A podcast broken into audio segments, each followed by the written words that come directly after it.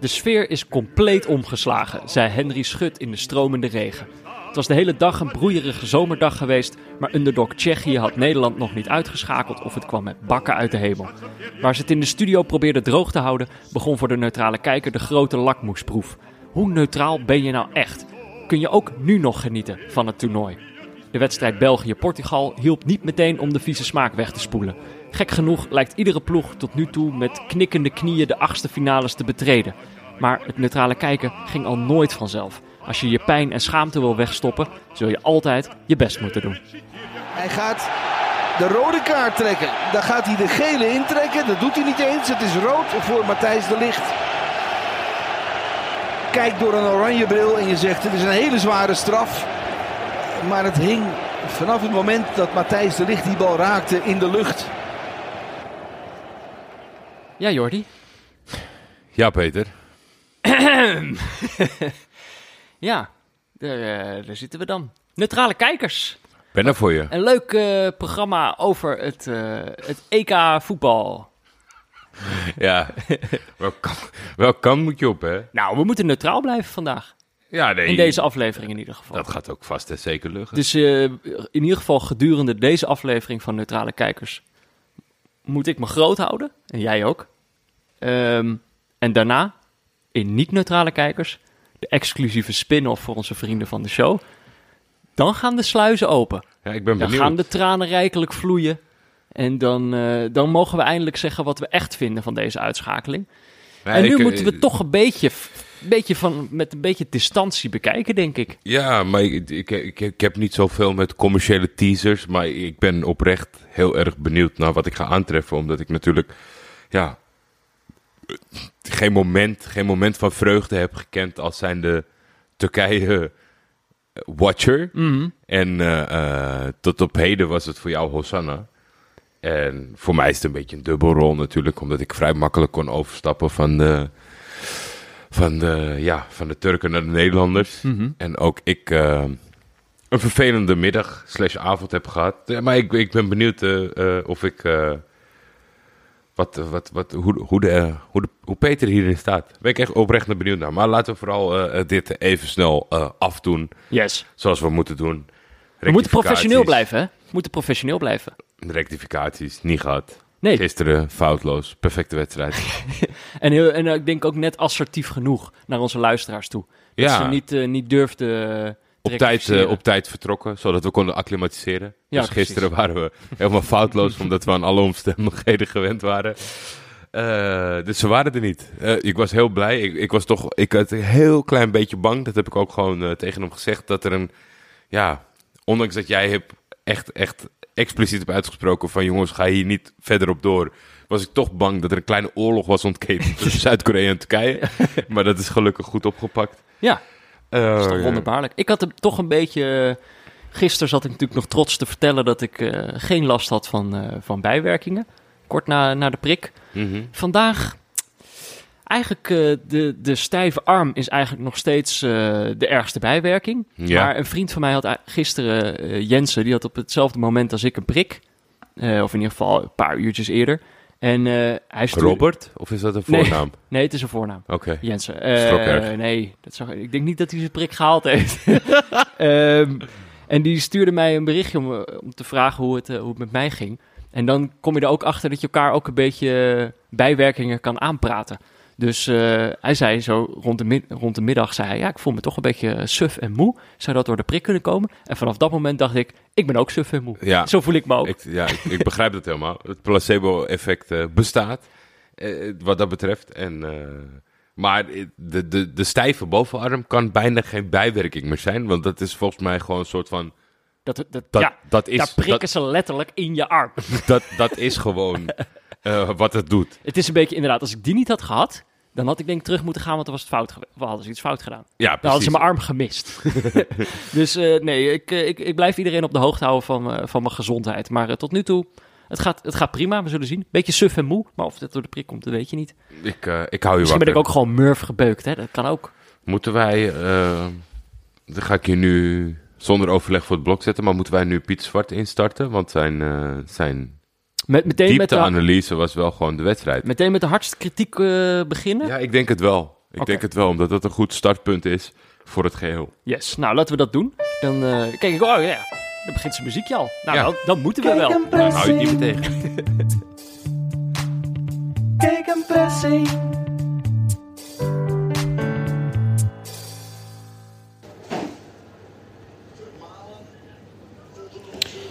Wie wil weten hoe Oranje had kunnen winnen, moet Denemarken-Wales terugkijken. Daarin overkwam Denemarken wat Nederland tegen Tsjechië gebeurde. Een tegenstander die de drie centrale verdedigers onder druk zette met de buitenspelers in de spits. De bondscoach van Denemarken had 13 minuten nodig om een oplossing te vinden.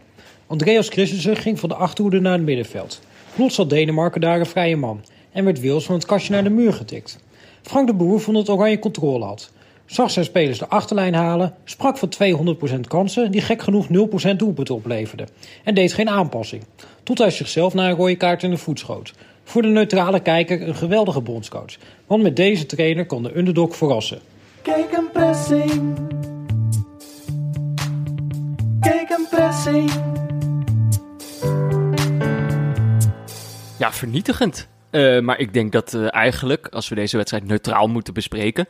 Wij hebben al, al enkele keren hoog opgegeven eh, van onze voorkeur voor de underdog gedurende dit toernooi. Mhm. En ja, dit is, hoe je het ook went of keert, heeft de underdog in deze wedstrijd eh, gewonnen.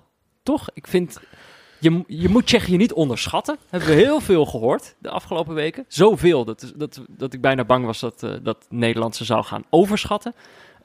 Dat is niet gebeurd, denk ik. Maar ehm, Maar dit, deze, de underdog heeft gewonnen. En dat, daar moeten wij dan toch blij van worden. jongen. Deze wedstrijd maakt het wel zo ongelooflijk moeilijk, zeg maar. Omdat eh, gisteren zaten we die balans te zoeken van... Oké, je bent beter, dus je hoeft je ook niet te verschuilen. En dat hele, ga ze niet onderschatten, aspect, zeg maar. Maar wat moet je nou aan het eind van deze wedstrijd vinden? Nat- natuurlijk hebben, ondanks dat we ons best doen...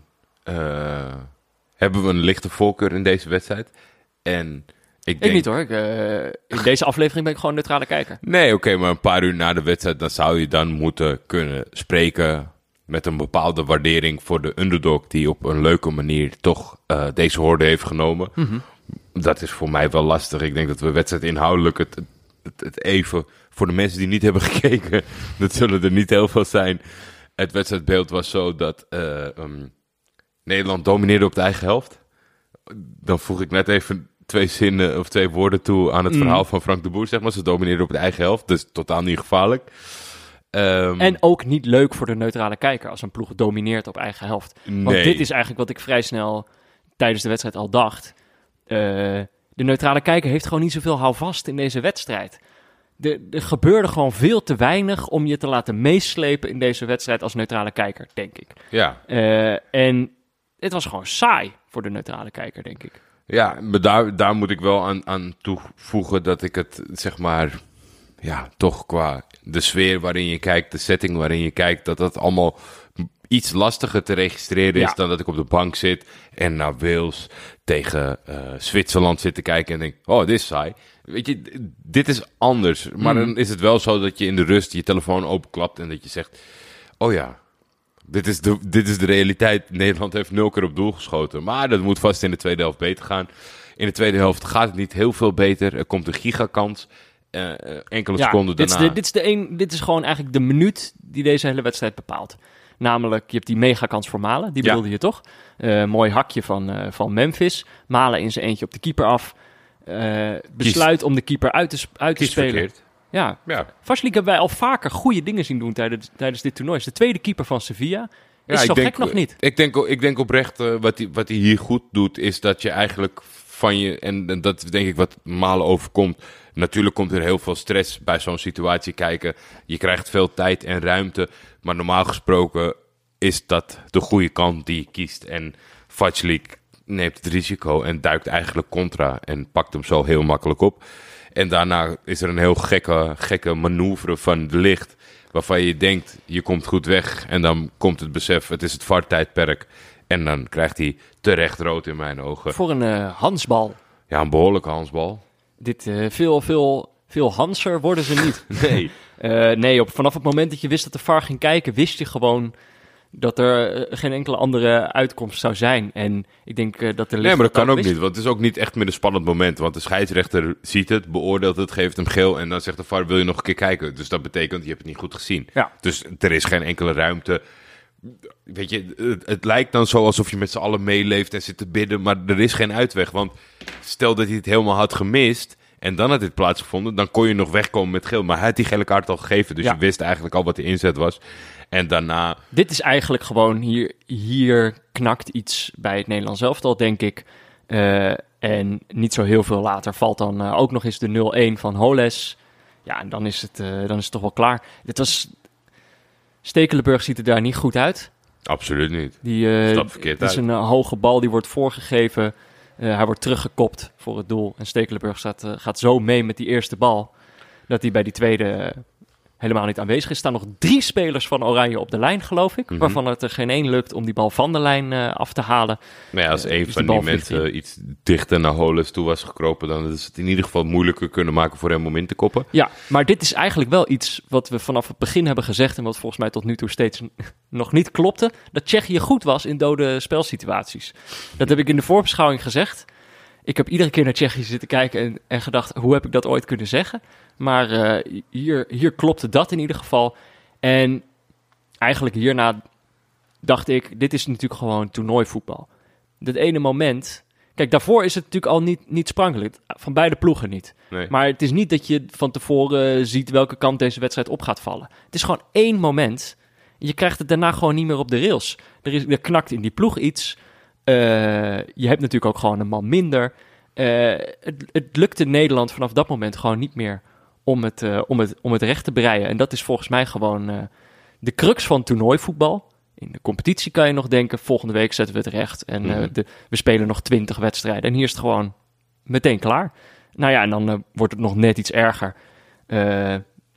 Door misschien nog wel een, een zwakker verdedigend moment. Maar ja, dat is wel eens een moment in de wedstrijd waarin Nederland natuurlijk wel aanvallend meer risico's moet gaan nemen. En dan is het eh 0-2 chic. Daar was hij toch weer. Had niet meer gescoord sinds, sinds die penalty met zijn bebloede neus. Eh, en, en hier was hij weer. Ja, dat, ja. Ja, ik, Sterk afgewerkt. ja, toch? Het was helemaal niet zo makkelijk. In eerste instantie gaat er natuurlijk een mega fout aan vooraf. Waardoor de speler eh, die de assist geeft eh, ontzettend vrij staat. Maar nog wel in een positie dat je denkt, nou, maak hier eens maar wat van. Ja. En dan legt hij hem terug en dan ziet Schiek hem, ja, fantastisch binnen. 0-2, Dan is het echt klaar. afgelopen, deksel op de neus, afdruipen. Ja. Eh, en op basis van deze wedstrijd. Kijk, Nederland was natuurlijk in de groepsfase eh, leuk, aanvallend, scoorde veel. Eh, er gingen ook genoeg dingen fout. Maar op basis van deze wedstrijd denk ik niet dat de neutrale kijker kan zeggen van... Goh, wat jammer dat Nederland gaat. Op basis van deze wedstrijd denk je, joh, het hoeft niet. Ja, terecht wat je zegt. Maar ik denk, ik denk niet aan het begin van deze wedstrijd van dat de underdog heeft gewonnen. Mhm. Ik denk dat zelfs dat niet helemaal tot uiting is gekomen bij deze wedstrijd. Als je Tsjechië is nooit echt de bedoel. underdog geweest. Nee, we hebben gisteravond natuurlijk naar eh, Italië-Oostenrijk gekeken. Daar lijken de kaarten vooraf gedeeld. Maar dan valt dat ook zo samen. Italië is kwalitatief beter, heeft betere spelers, maar gaat een beetje, raakt een beetje in gevecht met zichzelf. Ja, En daardoor eh, is het leuk wat Oostenrijk er tegenin brengt. Maar ik heb nu in dit spelbeeld, kan je niet, kan je niet zeggen, zeg maar van, moeten wij Tsjechië leuk vinden als zijn de neutrale kijker? Dat ben ik het, wat dat betreft, zeg, is mijn antwoord nee. Omdat ik ten eerste niet vind dat het in deze wedstrijd naar voren is gekomen dat zij overduidelijk de underdog waren. En ze hebben ook geen uitvoering gedaan, waardoor je dat. Het is niet zo dat, dat ze Nederland. hebben geen hart ervoor over, denk jij. Nee, het was niet zo dat de Nederland eroverheen aan het walsen was en dat het net goed viel voor de zo keihard werkende Tsjechen. Nee, Dat nee, vond ik niet. daar heb je gelijk in. Daar heb je gelijk in. Maar kijk, pu- puur op papier is dit natuurlijk een goede uitslag eh, voor de neutrale kijker. Toch, daar kunnen we niet omheen. Eh, ik, ik proef ook een beetje dat jij het niet meer over deze wedstrijd wil hebben. Eh, en er stond ja, meer, eigenlijk... meer inhoudelijk en met geladen geweer. Dus dat, dat moet ik even tot me laten. We zijn natuurlijk nu. Nou, maar kijk, tot aan dit punt zijn we zeer netjes geweest voor alle betrokkenen bij, de- bij, dit bij deze gefaalde pot. maar het is, ik denk ook uiteindelijk... Voor de neutrale kijker was dit ook gewoon helemaal geen leuke wedstrijd. Zeker niet zo. Eh, er, er was gewoon weinig te genieten. En kijk, van tevoren denk ik, als je naar de affiches keek, dan had je misschien ook meer gekeken naar België, Portugal voor het echte vermaak. Dat Ja. zijn toch wel meer twee grootheden die, die elkaar treffen. Eh, en dat was om, om negen uur zover in Sevilla. Eh, Verschrikkelijk decor. Weer. ja, toch? Godzijdank fatsoenlijke commentator in Arno Vermeulen. Ja, die, moest, die, had, die, die, die was de taak toebedeeld om, eh, om het land weer uit het, eh, uit het diepe dal op te trekken op de Nederlandse televisie. Ja, en zonder te verklappen hoe het spelverloop was, heeft hij dat echt wel goed gedaan. Er zat eh, één of twee keer een, een medium speldenprikje in, of een stukje zelfspot, zeg maar, naar de nazi toe. En, maar voor de rest zat hij fris en goed in de wedstrijd en heeft hij uitstekend commentaar geleverd. Ja, maar ik moet zeggen dat die wedstrijd eh, niet meteen eh, het spektakel was waarop je hoopte. En dat is zeg ik wel eh, hopen, want volgens mij waren er van tevoren ook genoeg redenen om aan te nemen dat België niet vol uit de startblokken zou gaan schieten tegen dit Portugal. Ze zouden vooral eh, behoudend gaan spelen. En Portugal hebben we natuurlijk ook al genoeg van gezien dit toernooi. Dat zijn ook niet. eh, Nee, dat zit, die gaan dat- ook geen showtje dat, opvoeren voor dat ons. zit natuurlijk eh, enorm in hun aard. Als je eh, zeg maar een soort van nog vanuit de deceptie overhevelend naar dit duel, dan heb je misschien een beetje de randzaken naast je laten liggen. Als ik dan de Portugezen hun volkslied zie doen en ik zie zowel Carvalho als Danilo niet, dan ja, slaat mijn hartje over, denk ik van, jeetje Nou. Fernando Santos, dit zijn wel hele grote stappen de andere kant op. En er was natuurlijk wel iets veranderd dit toernooi. Namelijk Renato Sanchez is een paar keer ingevallen op dat middenveld. Voor, dat voor een van die twee eh, betonnen jongens. En eh, heel veel indruk gemaakt. Toen dacht ik, dit is eigenlijk ook een toernooivoetballer. Want hij is natuurlijk vijf jaar geleden, was dat, op dat EK. Was dat eh, zijn doorbraak toen met, eh, met Portugal, dat toernooi dat, dat zij wonnen. Eh, en toen maakte hij die, eh, die transfer naar, naar Bayern München, geloof ik. Ja, daar kwam het niet helemaal lekker uit. Clubvoetbal is het eh, heel lang niet gelukt. Dit seizoen weer wel. Zeker, kan spreken. Hij heeft in ieder geval een titel achter zijn naam. Was Ja. niet onbetwiste basisspeler bij Lille, maar heeft wel indruk gemaakt. Maar in deze wedstrijd zag je wel weer een paar dingen van hem. Hij draait op een gegeven moment in de eerste helft. Draait hij bij een paar spelers van, van België weg. Trekt hij een enorme sprint. Geeft hij daarna ook nog een mooie steekbal. Frenkie de Jong-esk, zou je Hmm. zeggen, op een andere dag dan, eh, dan vandaag. Ja, en het, het, het was gewoon zo. Kijk, met, met Palinha naast hem en Moutinho was het nou weer niet zo dat eh, door het ontbreken van Danilo en Carvalho dat het ineens super aanvallend was. Dat niet, maar op een of andere manier is het ook gewoon een soort van mentaal dingetje dat je de knop omzet. Dat je denkt, oké, die, twee, eh, die, die twee betonvreters zijn er niet, dus het zal wel beter gaan. Ja, eh, gaat, het, gaat het om hoe je er komt? Of, of, of gaat het om, om het eindstation, zeg maar? Dat is, dat, ik denk dat, wij, wij als neutrale kijkers zijn het er, zijn er denk ik na eh, meer dan 150 afleveringen zijn wij het nog steeds eens daarover dat wij toch vinden dat de manier waarop belangrijker is dan het op dit moment gemaakt wordt in het voetbal. Ja, dan moeten we toch een streep trekken door België. Want België, die voetbalt niet naar zijn mogelijkheden met toch wel redelijk ingebakken eh, zekerheidjes. Moeten we dan ook iets noemen? Want dit was Ja, eigenlijk mag. gek, deze wedstrijd. Eh, dat Lukaku, eigenlijk de, als er een Belg is waarvan ik hou, dan is hij het. Ja. Dit toernooi magistraal geweest. Deze wedstrijd kwam het er net niet helemaal uit. Ik had ook het gevoel dat hij veel verder terug stond dan normaal. Dat hij echt zo steeds rond de middenlijn al in balbezit kwam. Of in ieder geval de bal zo kreeg Op een gegeven moment in de eerste helft verliest hij een duel van Peppe. En dat was, dat was wel een Ja, soort van een mentale klap? Ja, nee, maar ja, is dat een mentale knap Nou, of niet? Maar ja. het, is, het is gewoon zo van... eh, hetgene waar hij nog wel buiten zijn voetbal, voetballende kwaliteiten heel veel indruk mee maakt... is dat je een soort van... Ik, dat, ja, ik, ik heb zoiets... Ik, ik ben een fysieke amateurvoetballer. En als ik dan kijk naar DJ Drogba... dan heb ik zoiets van... ik zou heel graag een keer tegen hem op willen lopen. Kijken of dat nou echt zo imposant Of, is of het niet. echt... eh, Maar Lukaku is natuurlijk wel wat dat betreft een soort van Drogba light. En als je dan toch tegen die 38-jarige Peppe, die, die, die ge, ja, gehaaide Peppe aanloopt en jij ligt op de grond, ja, dan weet je wel, Romelu, het is niet jouw dag. ja, Dat kan niet. Eh, het, wat natuurlijk wel hielp, is dat België toch vrij, nou in ieder geval in de eerste helft al op voorsprong kwam. Torgan Hazard was het, eh, die de band brak vanuit de de tweede lijn, zoals Wesley Sneijder eh, het zei in de, in de rust van de wedstrijd. Hij ziet dat te weinig, zegt hij. Ik denk, nou, het is het verkeerde toernooi om dat te zeggen. Want er, vliegen iedere wedstrijd weer afstandsschoten in. Eh, en eh, dat was eigenlijk ook misschien wel jammer voor de neutrale kijker. Ja, want ik denk dat ik het liever andersom had gezien, weet je wel. Eerst Portugal op voorsprong en dan België die moeten komen. Ja, Ik denk dat dat lekkerder is om te- naar te kijken. Weet ik eerlijk gezegd niet. Omdat ik had nu ook wel zoiets van... Met de eh, ehm, niet zo vrije geest als we ze kennen, de Belgen... Gaan die nu daadwerkelijk deze ploeg nog 45 minuten tegenhouden? Ik had niet het gevoel dat dat ze ging lukken. En ook gedurende de tweede helft... Nou ja, Fernando Santos heeft mij in, in alle facetten verbaasd. Hij wisselde aanvallend, ultra aanvallend. En je had toch echt wel het idee... Zeker met zeg maar een soort van eh, Lukaku, die niet een schim van zichzelf was. Dit hou je niet vol. Cristiano Ronaldo, Diego Jota, Silva, João Felix. Silva de, Adrian Silva, Joao, eh, Joao Felix die invalt, Bruno Fernandes die invalt. Het is wel heel veel wat op de deur bonkt, Ja. om dat maar buiten, eh, weet je, de buiten te Nou, houden. en het ging ook op zich in de slotfase was het ook wel eh, vooral Portugal dat de klok sloeg en België die probeerde de, de deuren dicht te Ja, houden. uiteindelijk, maar uiteindelijk heeft, Bel- eh, heeft de, de, de Belgische natie maar twee keer gebibberd. En één keer heb je gewoon mazzel met een fantastische kopbal van, eh, van Diaz. Ja, dat waarin- recht eh, door het midden Ja, gaat. dat, dat, dat is gewoon... Als, als Courtois niet op precies de juiste plek staat, pak je die gewoon niet. Is gewoon te hard binnengekopt, maar hij kopt hem recht op hem af. En meteen daarna, bal ja, op de paal. de bal op de paal. Kwam Courtois niet bij. Zie je een paar, een paar centimeter naar binnen, dan zit hij binnenkant paal. En dan is het eigenlijk een soort van... Ja, la- een lage versie van hoe eh uh, Torgan Hazard hem binnenschiet. Ja. Maar ja, eh knokploegje België. Mag niet zo leuk om naar te kijken. een, eh, hoe heet dat ook alweer? Een vechtersploeg? Hoe schreven de betrouwbare mannetjes dat nou in de column?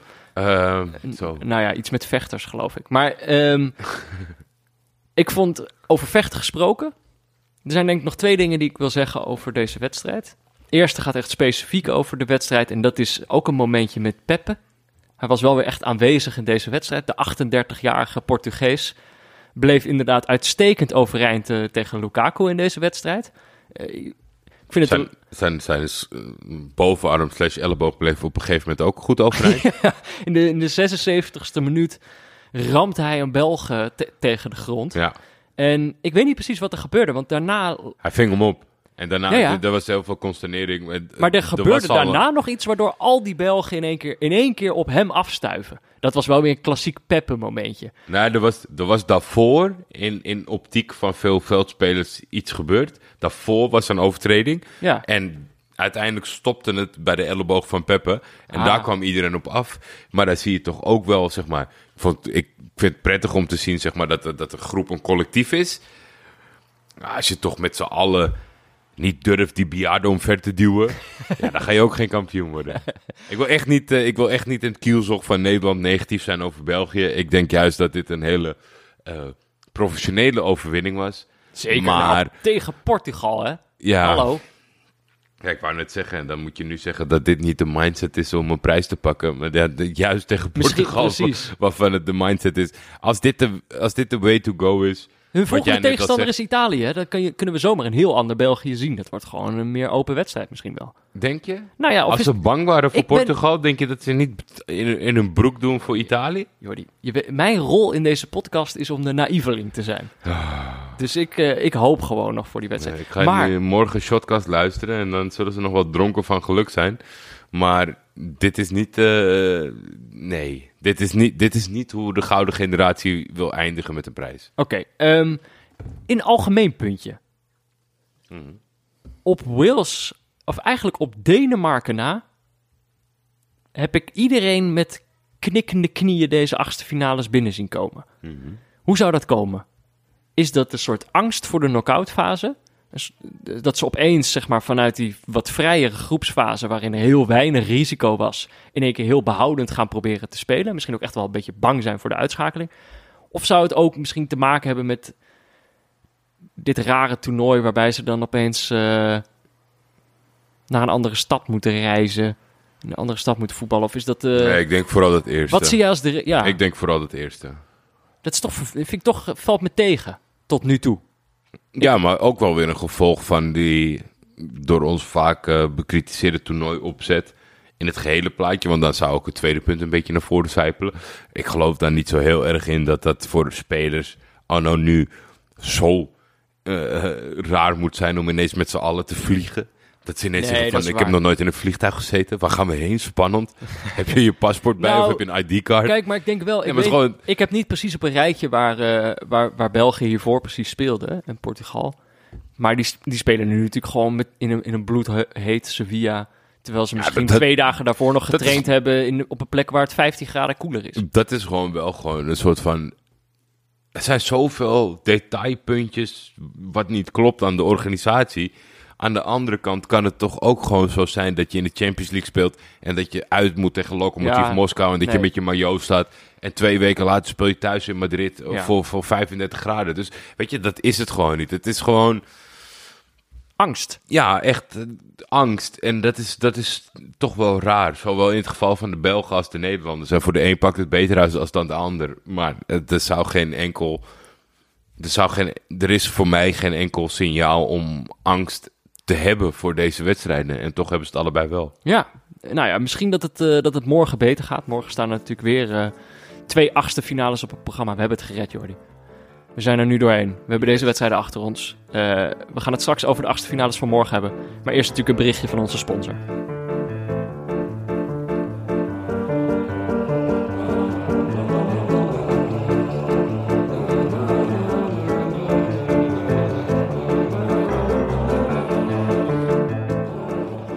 Want ook deze aflevering van Neutrale Kijkers wordt natuurlijk mede mogelijk gemaakt door Auto.nl. Auto.nl heeft deze zomer het perfecte autorijnummer laten maken door Tim Knol. Maar de Neutrale Kijkers zitten natuurlijk vooral thuis op de bank voetbal te kijken. Eh, en daarom maken wij met Neutrale Kijkers deze zomer de ultieme EK-playlist. Samen met jullie. Eh, nou ja, jullie kennen de formule. Eh, elke dag een liedje erin en een liedje eruit. En vandaag is de, de gelukkige luisteraar Wout Metworst. Nee, hij heet Peter. Laat het gewoon Peter noemen. Oké, Peter. Beste jongens, ik heb met knikkende knieën die top 10 van jullie beluisterd. Viel niet tegen, maar er is wel ruimte voor verbetering. Veel ruimte zelfs. Het feit dat de gemiddelde leeftijd van de vrienden van de show een jaar of 19 lijkt te zijn, doet er geen goed aan. Eh, hoe gaan Daar we dit dromen oplossen? sommige programma's van, hè? Om zo'n jonge doelgroep te hebben. In de eerste plaats moeten dat vreselijke Just for Tonight... Oh, oh, oh, wacht even. Ja. Nee, eerst de mail afmaken, Jordi. Daarna moeten we het, Het is niet hebben. geloofwaardig om hier en op Bono te kaffen, wat in principe altijd goed is natuurlijk, en een nummer met zo'n bombaste U2-galm te promoten. Weg ermee. Wat komt erin? De enige echte toernooiklassieker uit de jaren 90. Een waardeloos toernooi, 1990, met drie gelijke spelen in de pool en, een hele, en het goede gesprek tussen Rijkaard en Fuller als triest dieptepunt. Maar Toto Schilacci maakte alles goed. Zo, nu Unestate Italiana. Dank je. Dus, niet de dommige crowdpleasing origineel van de componist Giorgio Moroder, maar de rockende Italiaanse versie van Gianni Nannini en Eduardo Bena- Benato. 32 jaar geleden inmiddels, dus de ouders van jullie luisteraars zaten nog in de brugklas, maar het, maar het staat. En ik krijg er nog altijd goede zin van. Gegeven de gebeurtenissen zaterdagavond moeten we de komende weken sowieso rekening mee houden met Italiaanse toestanden. Dus dat komt goed. Veel succes met de laatste loodjes. Staat Groetjes, complimentje. Wout. Ja, ja, goed. Je slaat het complimentje over. Eh, Wout, die eigenlijk eh, Peter heet, haalt dus eigenlijk een liedje eruit. Ja. eh, wat ik naar mijn weten, wat ik er al uit had gehaald. Ja. Maar En kijk, waar je, Jordi is en waar je heel oranje mee kapot hebt gemaakt. Dit is niet de ja, misschien, het is uiteindelijk toch wel het geschikte moment om het hierover te hebben. Maar jij hebt, dat, jij hebt die wijziging die ik heb doorgevoerd op die rustdag met Rick Kroef, heb jij niet doorgevoerd in de playlist. En Echt? daarom denkt Peter nu nog. Ja, ik dacht, want ik heb Just for Tonight, dat liedje dat Peter er nu uithaalt, dat was jouw keuze. Dus Ja. ik had mijn keuze in de oh, plaats ik van heb jouw keuze helemaal gezet. van, hoe werd het er Ja. neergezet? Oh ja, dat was je vergeten. Ja, ja. Nee, Zogenaamd. nee eh, oprecht. Oh, erg. Geloof Of je van de dag daarna heb ik wel gedaan. Ik stil aan de overkant. Nee, wat? Ik zit heel verkeerde leven. Even kijken. Tien. Knaan. Kanaan. Dat is gisteren. Ja. Dus je hebt, eh, je hebt eh, per ongeluk of expres heb je, heb je mijn toevoeging aan de lijst overgeslagen. Maar ik denk dat het uiteindelijk komt het allemaal goed. Ja. Eh, Peter, Peter heeft dit goed gezien. Namelijk, ik had natuurlijk het liedje erin gezet van Max Verstand en De Speld. We komen tot de achtste finale. ja, dat liedje is nu te pijnlijk. Die moet uit de playlist, die hoort er niet meer in te staan. Ehm, dus daar komt nu Unestate Italiana voor in de plaats. Ik ga het nu meteen doen. Eh, nou ja, mocht je zelf een liedje willen toevoegen aan de lijst, en please, niet die van Max Verstand, rijd die wond niet open. Alle Belgen die luisteren, niet doen, Wegwezen. niet pesten. We pesten jullie ook, we hebben de Belgen ook nooit gepest, toch Jordi? Nee, nee, nee, nee. nee. Ehm, maar mocht je dus er een liedje erin willen zetten, eh, stuur dan eh, je keuze naar neutralekijkers.gmail.com. Eh en natuurlijk ook het liedje erbij dat je er, eruit wil halen. Eén regel. Tim Knol mag er niet uit. Wandering Heart. Prachtig nummer. Die moet, eh, die moet erin blijven staan. Ehm, nou ja, en mocht je de hele lijst willen luisteren. eh, de ultieme neutrale kijkers EK-playlist in samenwerking met Auto.nl. Die beluister je op Spotify. Oké, eh, Jordi. De blik moet naar voren. Dit is de enige manier. Vooruitkijken. Precies, neutrale kijkers. Vanaf nu zijn we fully committed neutrale kijkers. Dus we gaan ook gewoon vooruitkijken naar de wedstrijden van morgen. Twee achtste finales weer op het programma. En dan bellen wij natuurlijk eventjes met de man met de vooruitziende blik. Die ons eh, een beetje kan uitleggen wat we kunnen verwachten in die wedstrijden. Eh, we zullen zien of hij nog wakker is. Hoe hij de dag heeft overleefd. Of hij een goed humeur heeft, je weet het niet hè? Ja, hij heeft een beetje door laten sijpelen dat hij dit niet heel erg vindt. Hm? Het is toch meer een club, eh club, Oh, ja. clubvoetbal liefhebber. Ja, dat was in- misschien was het indekken. Indekken? Sorry, we waren nog. Voordat je, voordat je opneemt, zijn we altijd over jou aan het roddelen. Maar nu nam je per Ja, ongeluk dat- tijdens het roddelen nam je op. Shit. Kom ik daar nu achter op, op al zo'n vervelende, droevige dag? Ah, ja, is het voor jou ook een droevige dag? hey, boeien, Ja, ik- het is geen clubvoetbal. Nee, ja, ik moet eerlijk zeggen dat ik dat eh, inderdaad vorige week heb gezegd. Maar nu het, nu het zo is ontwikkeld zoals het zich heeft ontwikkeld, heb ik toch een, eh, een lichte kater. Het was een, eh, een zwarte dag. Een waardeloze wedstrijd om uitgeschakeld te worden, toch? Ja, zeker. En het begon al, ik, ik, ik, ik ben best wel van de voortekenen. En het begon al, ik zette mijn tv aan, toen zag ik Snelle in de studio zitten. En eh, niet lang daarna kregen we een soort van ode aan de leuke social media post van Martin de Roon in de studio. En toen wist ik al vanaf hier gaat het alleen maar bergafwaarts. En, eh, Denk jij dat zo Snelle de social media post doet van Martin de Roon? nou, dat zou een heleboel verklaren. Is het jou gelukt om daarna eh, de knop om te zetten en eh, als neutrale kijker volop te genieten van België-Portugal? Eh, ja, zeker. Ik, ik, was, eh, ik zat in de auto de eerste helft, maar ik heb de tweede helft gezien. En toen was het zich net lekker aan het ontwikkelen naar de eh, lang verwachte schoppartij waar ik al een tijdje naar eh, zocht. Peppe stelde Dus, niet teleur, hè? Nee, Peppe stelde zeker niet teleur. Die had, eh, denk ik, wel eh, meer verdiend dan die heeft gekregen. Maar eh, die was even lekker op dreef. Dus dat was een, een, een, hoe zeg je dat? een pleister op de wond. Oké, toch wel. En morgen Jawel, krijgen we dan jawel. nog, nog wat pleistertjes erbovenop. Twee achtste finales. Ja, ik moet wel zeggen dat ik me even opnieuw moet opladen om weer, weer zin te krijgen in dit, eh, in dit toernooi. Dus wat dat Mhm. betreft is het jammer dat Engeland-Duitsland niet morgen al is.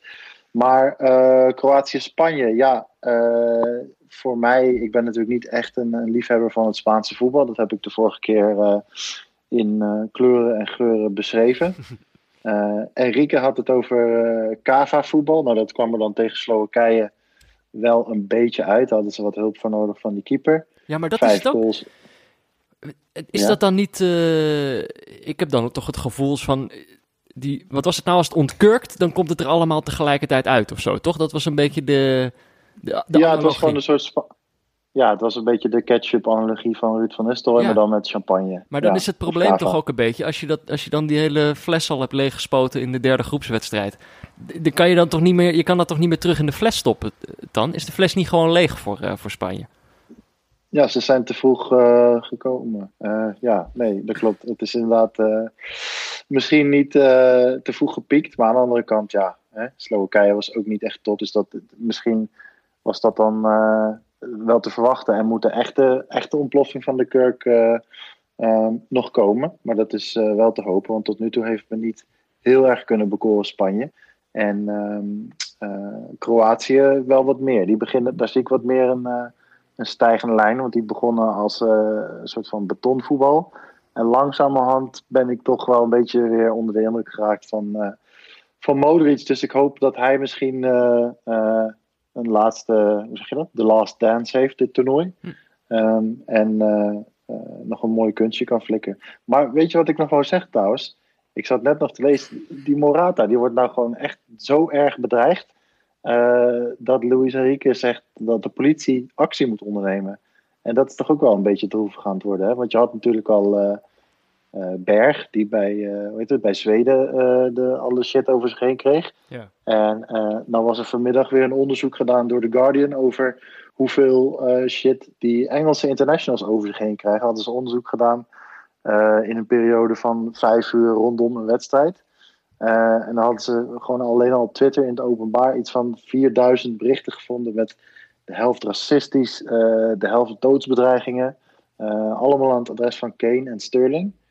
Eh, dus ik ben benieuwd of dit toernooi dan misschien een beetje de laatste push kan zijn voor die platformen om eh, er nou serieus een keer werk van te maken. Maar goed, dat Ja, is een ja, ja, Wat je zou het hopen. zijstaatje. Wat, wat zou je hier tegen, tegen kunnen beginnen? Eh, ja, Is, is, deze, is, is dit, zeg maar, ja, een soort van, dat bedoel ik niet eh, zeg maar met een knipoog, maar deze trend, dat is, dat is toch gewoon totaal nieuw. Hoe kan het nou zo zijn, zeg maar, want het, dit zijpelt natuurlijk ook door op clubvoetbal, maar je staat met een hele natie achter je, achter je land en je wilt doorgaan. En nu ineens is het mode om je, je, je spits met de dood te bedreigen vanaf je veilige kuttelefoontje, anoniem.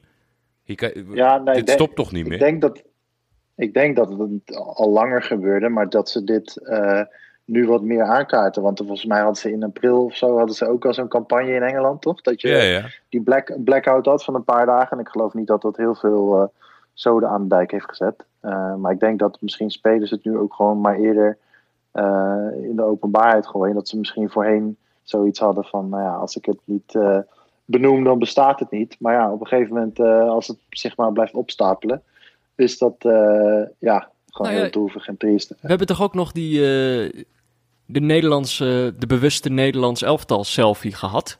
Eh, waar al die racistische bagger was natuurlijk minder anoniem omdat het op Facebook was. Dus er stonden heel Mhm. veel van die reacties waren toen onder, onder de eigen namen van die mensen. Maar een aantal van die mensen Ja. zijn volgens mij wel berecht daarvoor. Dus Ja, er precies. is Maar wel dat een is het eh, probleem. precedent voor dit soort dingen. Ja, alleen op al die andere kanalen is het vaak wat moeilijker om te achterhalen wie daar, eh wie daarachter zit. Kijk, eh, het zou een beetje raar zijn als ik nu ga zeggen dat ik heel erg tegen eh, eh, Twitter-accounts ben met een alter ego. Eh, maar ik bedoel, het zou voor mij geen enkel probleem zijn om gewoon mijn identiteitsbewijs, weet ik veel wat, op te sturen Op de achtergrond eh, naar, naar Twitter. omdat, ja, op, op- op de achtergrond, om dat te koppelen aan mijn account. Zodat als ik een keer over de schreef ga, dat ze ook weten wie dat is. Maar goed, dat levert natuurlijk heel veel problemen op in landen waar ze dat misschien gaan misbruiken. Ja. Eh, ja, wat mij betreft dat je nu gestenigd mogen worden met je Patrick Schiek voor, voorspelling. Maar eh, Frankrijk-Zwitserland. ja, ja, die kwam er ook nog bij. Ja, Frankrijk, Zwitserland. Ja, daar kunnen, we, daar kunnen we lang of kort over praten. Maar ik denk dat dat vooral moet komen van eh Shakiri. En dan zijn we denk ik gauw, eh, gauw uitgepraat zonder jullie eh, grote held te beledigen.